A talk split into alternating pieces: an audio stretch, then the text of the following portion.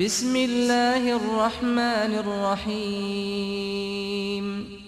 هل أتاك حديث الغاشية؟ وجوه يومئذ خاشعة عاملة ناصبة تصلى نارا حامية تسقى من عين آنية.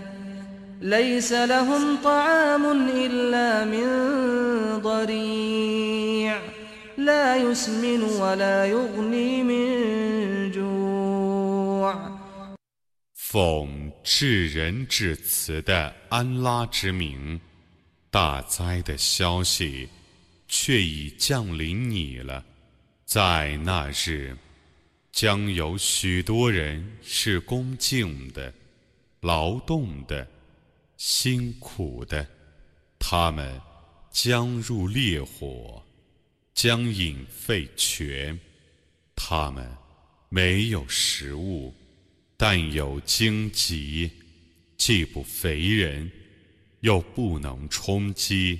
وجوه يومئذ ناعمة لسعيها راضية في جنة عالية لا تسمع فيها لاغية فيها عين جارية فيها سرر مرفوعة وأكواب موضوعة ونمارق مصفوفة وزرابي مبثوثة 在那日，将有许多人是享福的，是为其牢记而愉快的。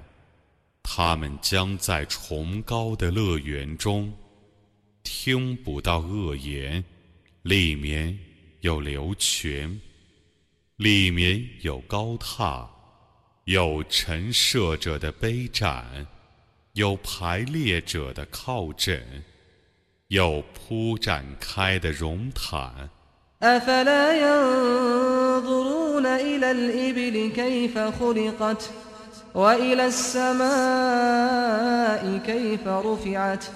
وإلى الجبال كيف نصبت وإلى الأرض كيف سطحت 难道他们不观察吗？骆驼是怎样被造成的？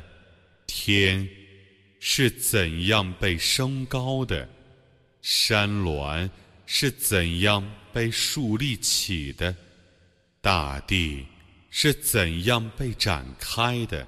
فذكر إنما أنت مذكر لست عليهم بمسيطر إلا من تولى وكفر فيعذبه الله العذاب الأكبر إن إلينا إيابهم ثم إن علينا حسابهم 你当教诲你只是教诲他们的，你绝不是监察他们的。